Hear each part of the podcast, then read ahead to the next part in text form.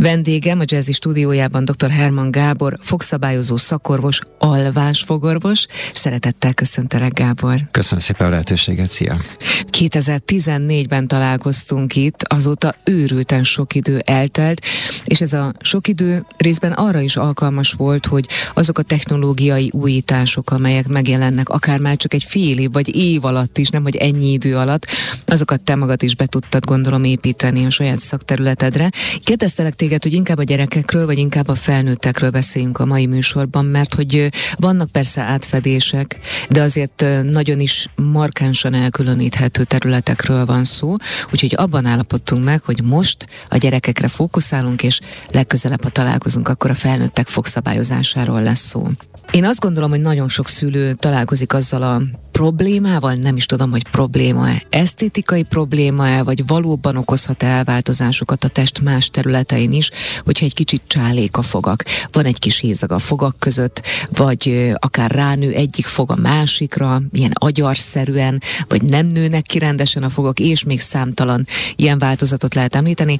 Amikor megkeresnek téged a szülők, akkor mit jeleznek első körben? Tudják-e, hogy miről van szó? Utána néznek-e? Te mit látsz a mostani gyerekeknél? Az egyik az azzal kapcsolatos, hogy a, a jelenlegi tudásszintünk szülőként az mit jelent, tehát hogy a fog szépsége, a fog funkciója, az miben nyilvánul meg, tehát egyáltalán miért is vannak a fogak, mi a fogazat funkció, és miben jelent mondjuk egészségügyi problémát esetleg, hogy mondjuk csálinálnak a fogak.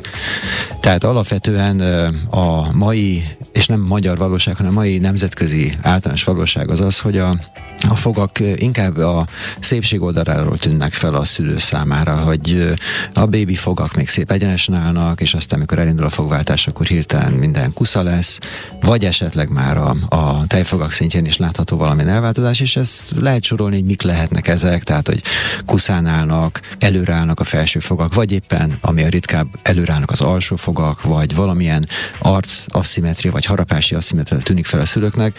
Tehát alapvetően ma a köztudat inkább a fogakat a szépészet szempontjából hozza a rendelőbe.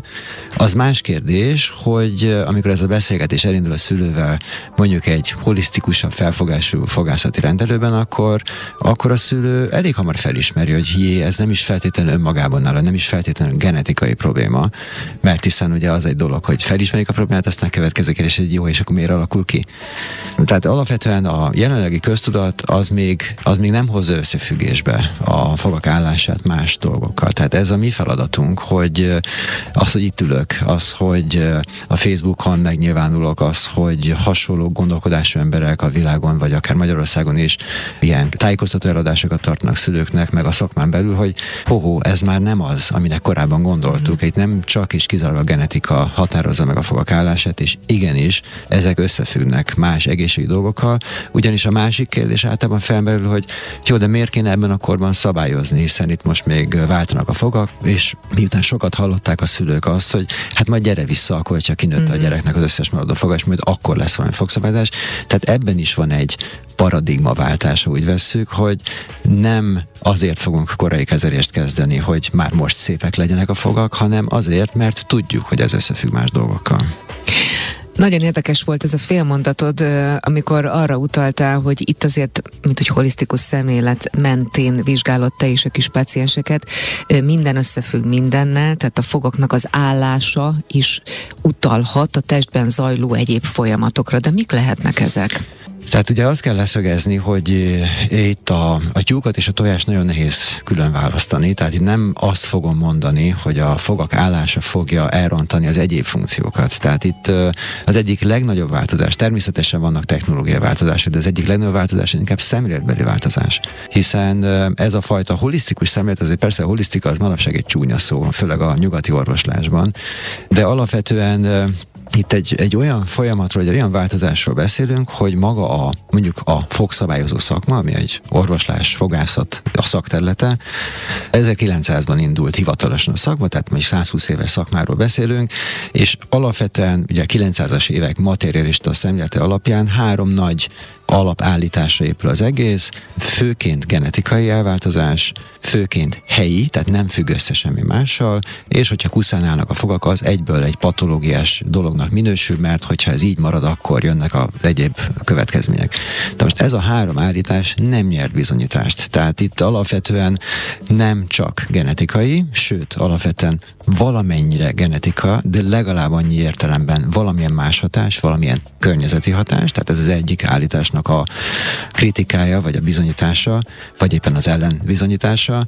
A másik az, hogy ugye ez egy helyi, és azt gondoljuk, hogy itt létezik az a, korábban gondoltuk, van az a helyi gén, ami semmi mással nem függ össze, mm-hmm. és csak a fogak szintjén okoz fogív szűkületet, vagy asszimetriát, akármit. Tehát ez sem nyer bizonyítást, tehát alapvetően ugye testképbe illeszthetően lehet egy asszimetriát leginkább vizsgálni, ami azt jelenti, hogy izomrendszerben gondolkodunk, és a harmadik sem nyert bizonyítást, hogy ha valakinek kusza fog, akkor garantáltan ki fog esni, álkapocsizati problémája lesz és egyebek, mert egyik oldalról sem nyert bizonyítást, hiszen azt mondjuk, hogy a kuszafogóak is tudnak 112 évig egy ugyanazzal a fogsorral egészségesen lejönni egy életet mindenféle álkapocsizati probléma nélkül, és vannak emberek, akiknek látszólag tökéletes fogazatuk van, akár fogszabályozó kezelés utáni tökéletes fogazat, és mégis kialakul valamilyen problémájuk, álkapocsizat, fogíny visszahúzódás, fogágy probléma, egyebek.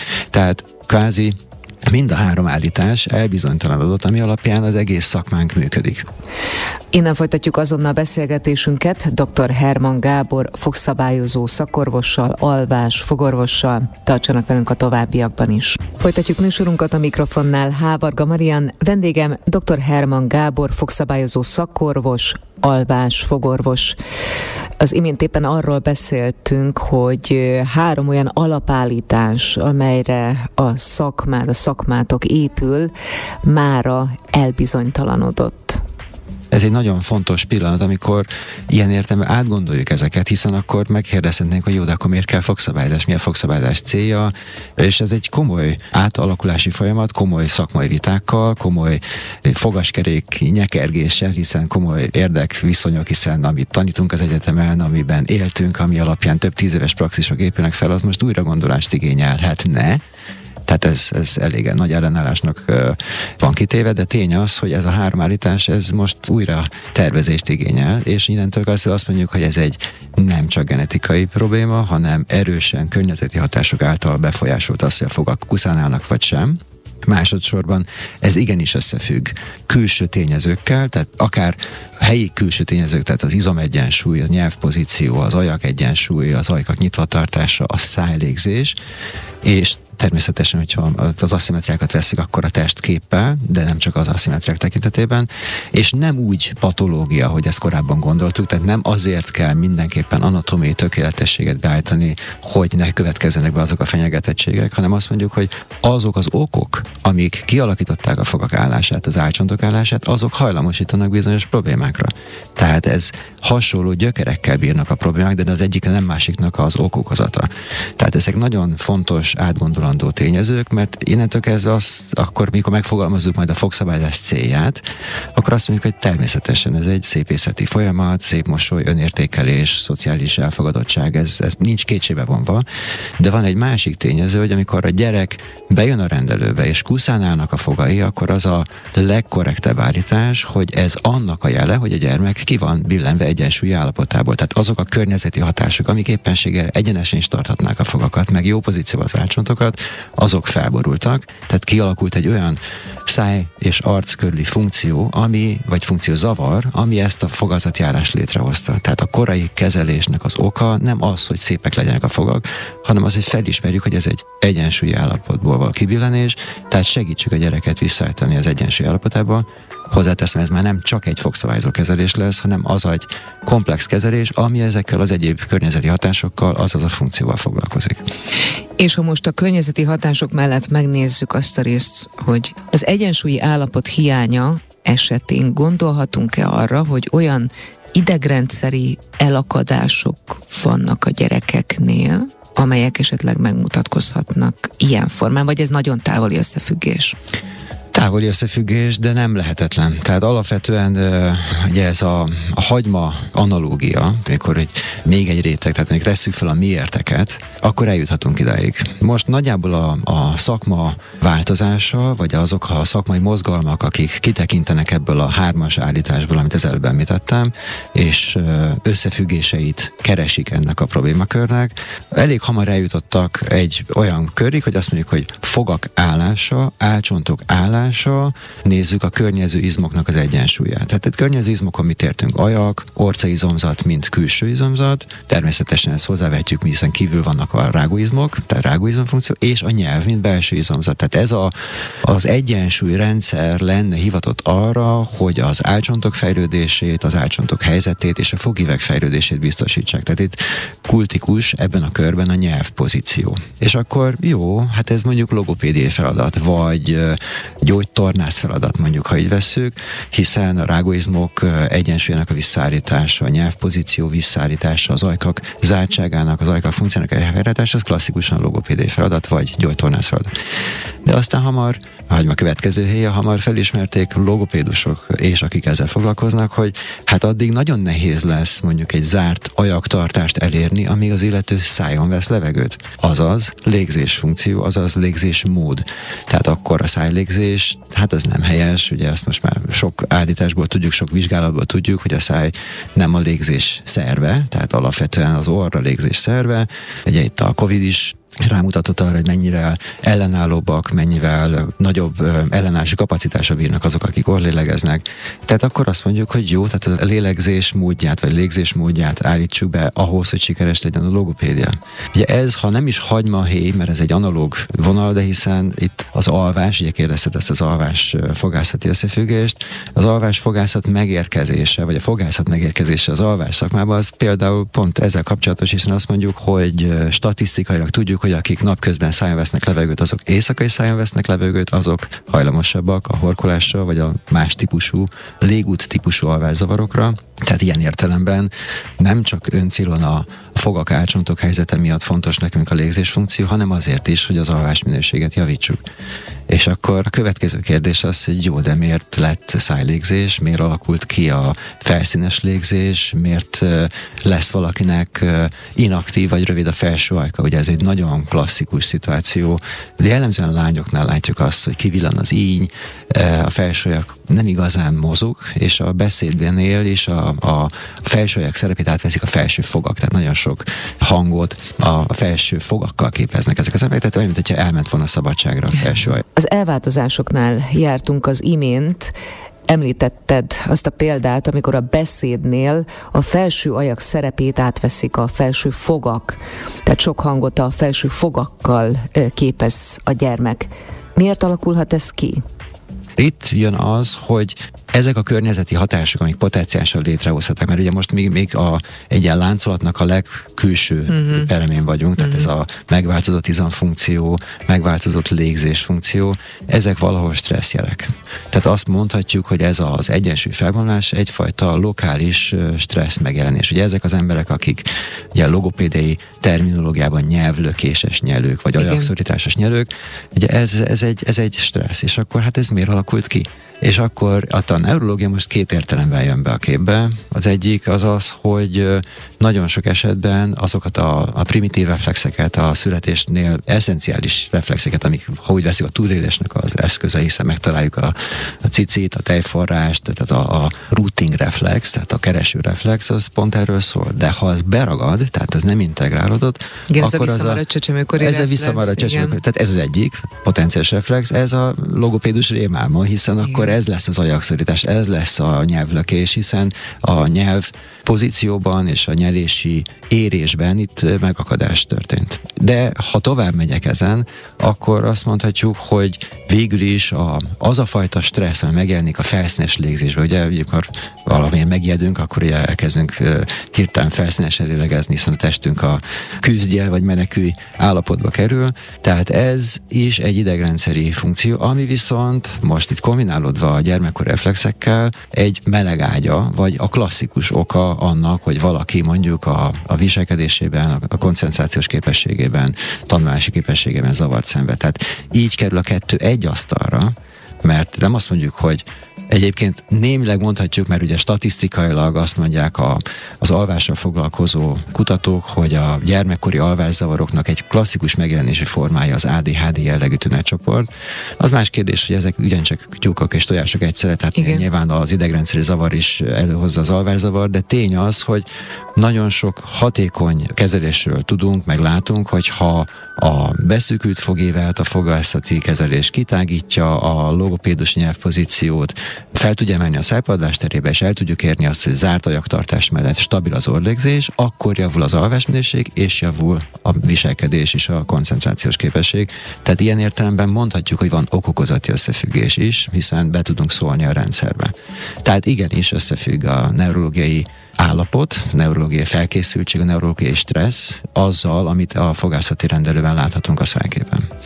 Ha most egy kicsit megfordítjuk ezt a folyamatot, és a, a folyamat végpontjához érkezünk, azaz egy sikeres fogszabályozás lezajlott a gyermeknél, és szakemberként azt mondod, hogy ez a fogsor most rendben van. Vissza lehetek követni, vagy vannak erre vonatkozó kutatások, hogy hogyan változtatta meg az egyenletes vagy szabályozott fogsor azokat a leakadásokat, vagy azok egy részét, amelyeket most említettél? Úgy pontosítanék, hogy ez nem fogszabályozó kezelés.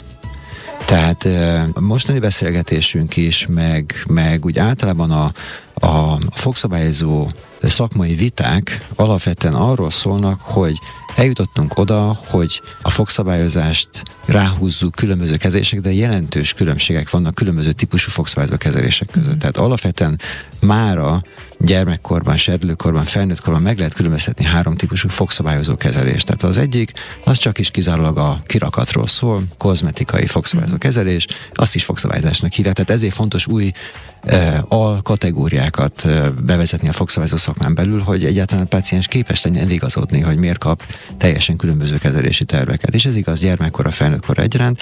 Tehát ha azt mondjuk, hogy befejeződött egy fogszabályozó kezelés a gyermeknél, és történt a változás, tehát nyomon tudunk-e követni változást mondjuk az idegrendszeri képességekben, hogy kognitív képesség, koncentrációs képesség, viselkedés, akkor önmagában egy csak fogszabályozó kezelés történik, akkor ez egy esetleges változás lesz, mert vagy felmegy a nyelv a helyére, vagy kialakul a stabil orlégzés, vagy nem. Tehát, tehát, tehát ala... többi szakemberre is Tehát itt ez van. egy komplex uh-huh. uh, csapatkezelés lesz, és alapvetően ez egy másik kezelési kategória. Tehát amikor azt mondjuk, hogy három klasszikus fogszabályozó kezelési kategóriát lehet most megkülönböztetni a kezelés céljait illetően, akkor azt mondjuk, hogy az egyik a kozmetikai kezelés.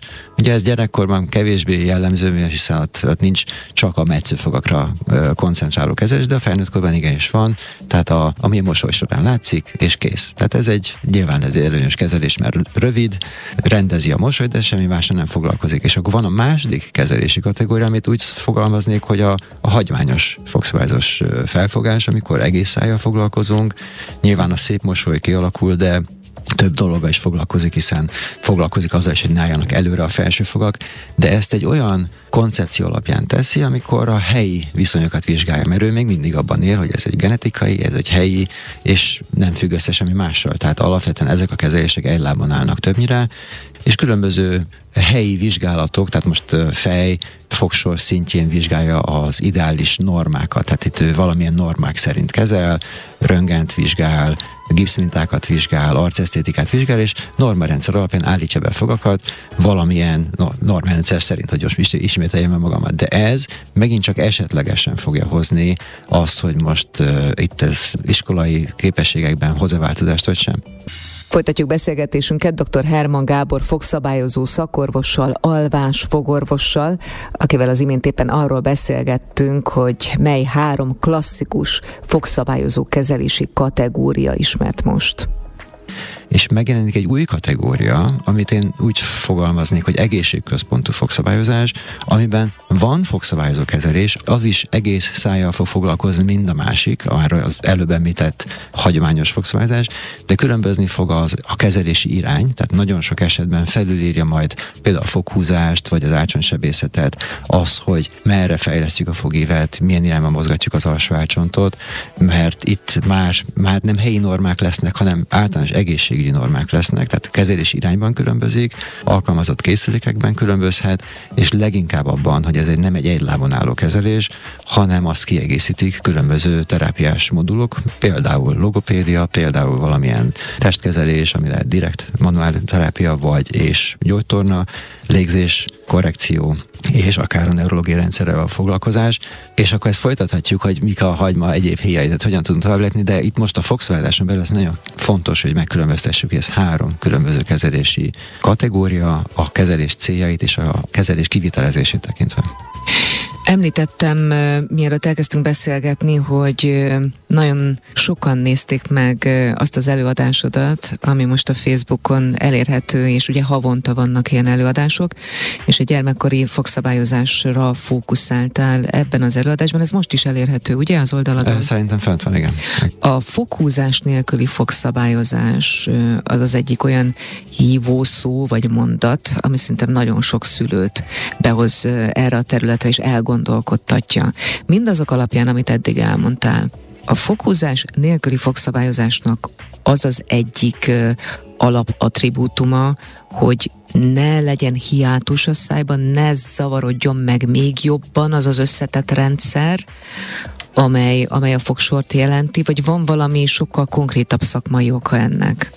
Megint visszatérnék oda, hogy három különböző kezelési kategória van. Tehát alapvetően ez az egyik kérdés, hogy húzunk fogat, vagy ne húzunk fogat, és a másik kérdés, hogy egyáltalán csináljunk-e kezelést ilyen korai korban, mondjuk 3-4 éves korban, vagy 5-6 éves korban, vagy 6-7 éves korban, hiszen majd úgy is, ha leváltanak a fogak, akkor úgy is lehet fogszabályzást csinálni.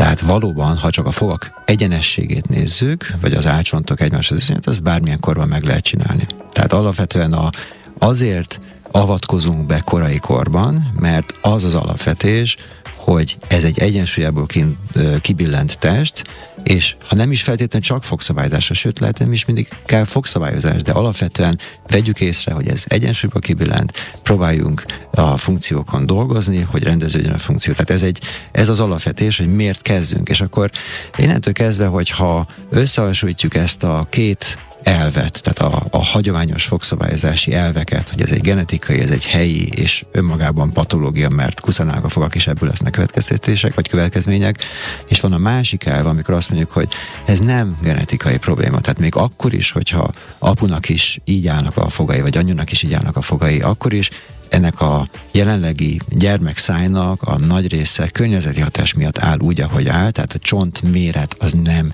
determinált a gének által, tehát igenis van lehetőségünk kiformálni a fogévet, amiben el fognak férni azok a fogak, amik a hagyományos elv szerint már foghúzást indikálnának. Tehát azért mondom, hogy a, az álcsont méret genetikai, világban. Persze, hogy foghúzást fogunk előírni, hiszen azt mondjuk, hogy az álcsont méret azért akkora, azért olyan kicsi, mert anyvál kapcsában nem férnek el apufogai. A másik állítás az az, hogy ez az álcsont azért kicsi, mert felborult az izomegyensúly, és igenis tudjuk a fogívet formálni. Igenis ez stabil lesz, igenis elkerülhetők a mellékhatások, amik fenyegetve vagyunk azáltal, hogy ez bekövetkezik a régi iskola szerint. Tehát alapvetően a fokhúzás nélküli gondolkodás az leginkább azért fontos, vagy azért, azért fontos ezt kiemelni, mert nem az az állítás, hogy soha senkinek semmilyen formában nem kell fokhúzás, és minden esetet meg lehet volna fokhúzás nélkül, de az esetek túlnyomó többsége megoldható fokhúzás nélkül, és azért szükséges, hiszen a nyelvtér, az álcsont helyzet, ami a légutaknak, és ilyen értelemben a, a normális orlégzésnek és az alvásminőségnek az alapelve, annak leginkább így tudunk megfelelni. Folytatjuk műsorunkat, a mikrofonnál Hávarga Marian, vendégem dr. Herman Gábor fogszabályozó szakorvos, alvás fogorvos. Az imént az egészségközpontú fogszabályozásnál jártunk. Tehát, hogyha ha az egészség cél, tehát innentől kezdve, hogyha mondjuk az, az egyik az, hogy az ideális harapás, és a, a szép mosoly. Ugye ez a, a második kezelési kategóriában ezek a, a főbb elvek. Szép profil és az ideális harapás. Ha viszont az egészségközpontú fogszabályozásban gondolkozunk, és az egészség a cél, akkor valában nekünk nagyon fontos lesz a nyelvpozíció, nagyon fontos lesz a légutak áteresztő képessége, a légutak mérete éjszaka. Az viszont egy csomószor felülír olyan kezelési célokat, amik fokuzással vagy álcsont mondjuk a felső ácsont növekedésben vagy visszatartásával járnának. Tehát alapvetően a, az alvás orvoslás oldaláról vizsgálva. Tehát most van egy vadonatúj publikáció gyermekkorban, hogy a felső fogív tágítása önmagában képes a megduzzadt mandulákra hatni, és azok, ha úgy veszik, spontán visszamennek, de hát azért mennek vissza spontán, mert megváltozik a, a légzés viszonya, tehát a, a, a légáramlás.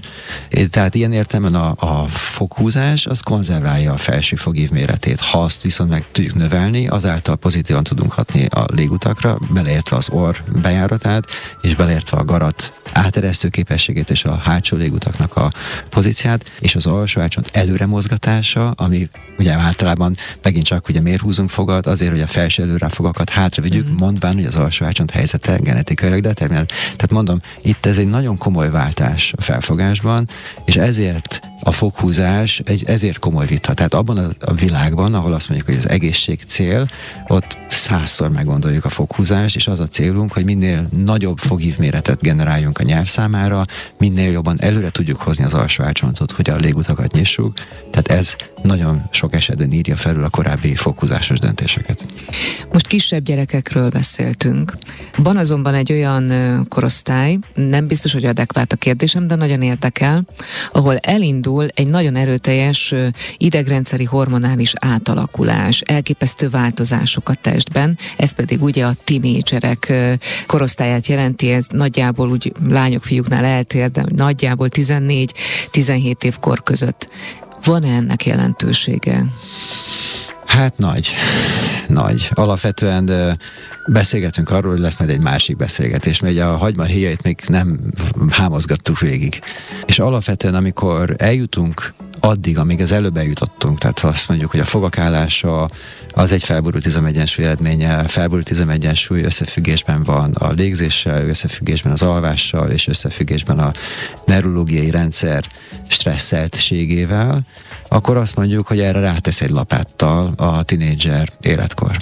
És az annak az életmódi sajátosságai, a képernyőidő, a késő lefekvés és a sok tanulási hát a Covid bezárásról nem is beszélve. Tehát alapvetően rendkívül sok serdülő gyermek jelentkezik álkapocsizeti problémával, ami korosztály szerint persze korábban is volt, de nem ekkora számban. És, és alapvetően ez megint csak egy. Tehát ezek a gyerekek, akiknek álkapocsizeti problémája van, ezek nyelvlökéses nyelők, ezeknek az ája többnyire nyitva van, szájon vesznek levegőt, alapvetően is, és erre tesz még egy lapáttal rá ez a tinédzser életmód. Nem is feltétlenül a hormonális változás, de azt gondolom, hogy nagyon nehéz, mert hiszen ők már önálló döntéshozók, tehát velük diktatórikusan eljárni, hogy akkor most akkor menj el haza és csinálj gyakorlatokat, meg, meg akkor ne a képernyővel feküdj az ágyba, és, és, és, tehát ez, ez egy nehéz dolog. Hozzáteszem, értelmes gyerekek, nagyon is értelmes gyerekek, tehát valában tinédzser, alvás influencerekre lenne szükség, akik életmódot tudnak nekik, tehát akik hitelesen adják át, és nem egy 53 éves ember mondja el nekik a tutit. Tehát, de alapvetően erre nagyon nagy szükség lenne, mert ők önmagukban képes, tehát gyakorlatilag mindegy felnőtt is. Tehát az életmódváltás nagyon sok értelemben tud pozitívan visszahatni alvásminőségre, és ilyen értelemben a neurológiai rendszer stresszeltségére, és aztán ami megjelenik abban, hogy akkor nem lesz migrénye reggelente, nem lesz álkapocsizati problémája. Tehát ez, ez alapvetően egy, egy olyan kihívás, ami, ami kommunikációs kihívás. Azt hiszem, hogy a stressz, amit te magad is említettél, elképesztően nagy arányban van jelen nem csak a tinédzser korosztály, hanem már az első-másodikos gyerekek életében is, úgyhogy ez is tartozhat egy hagymahéjhoz, ha én jól gondolom.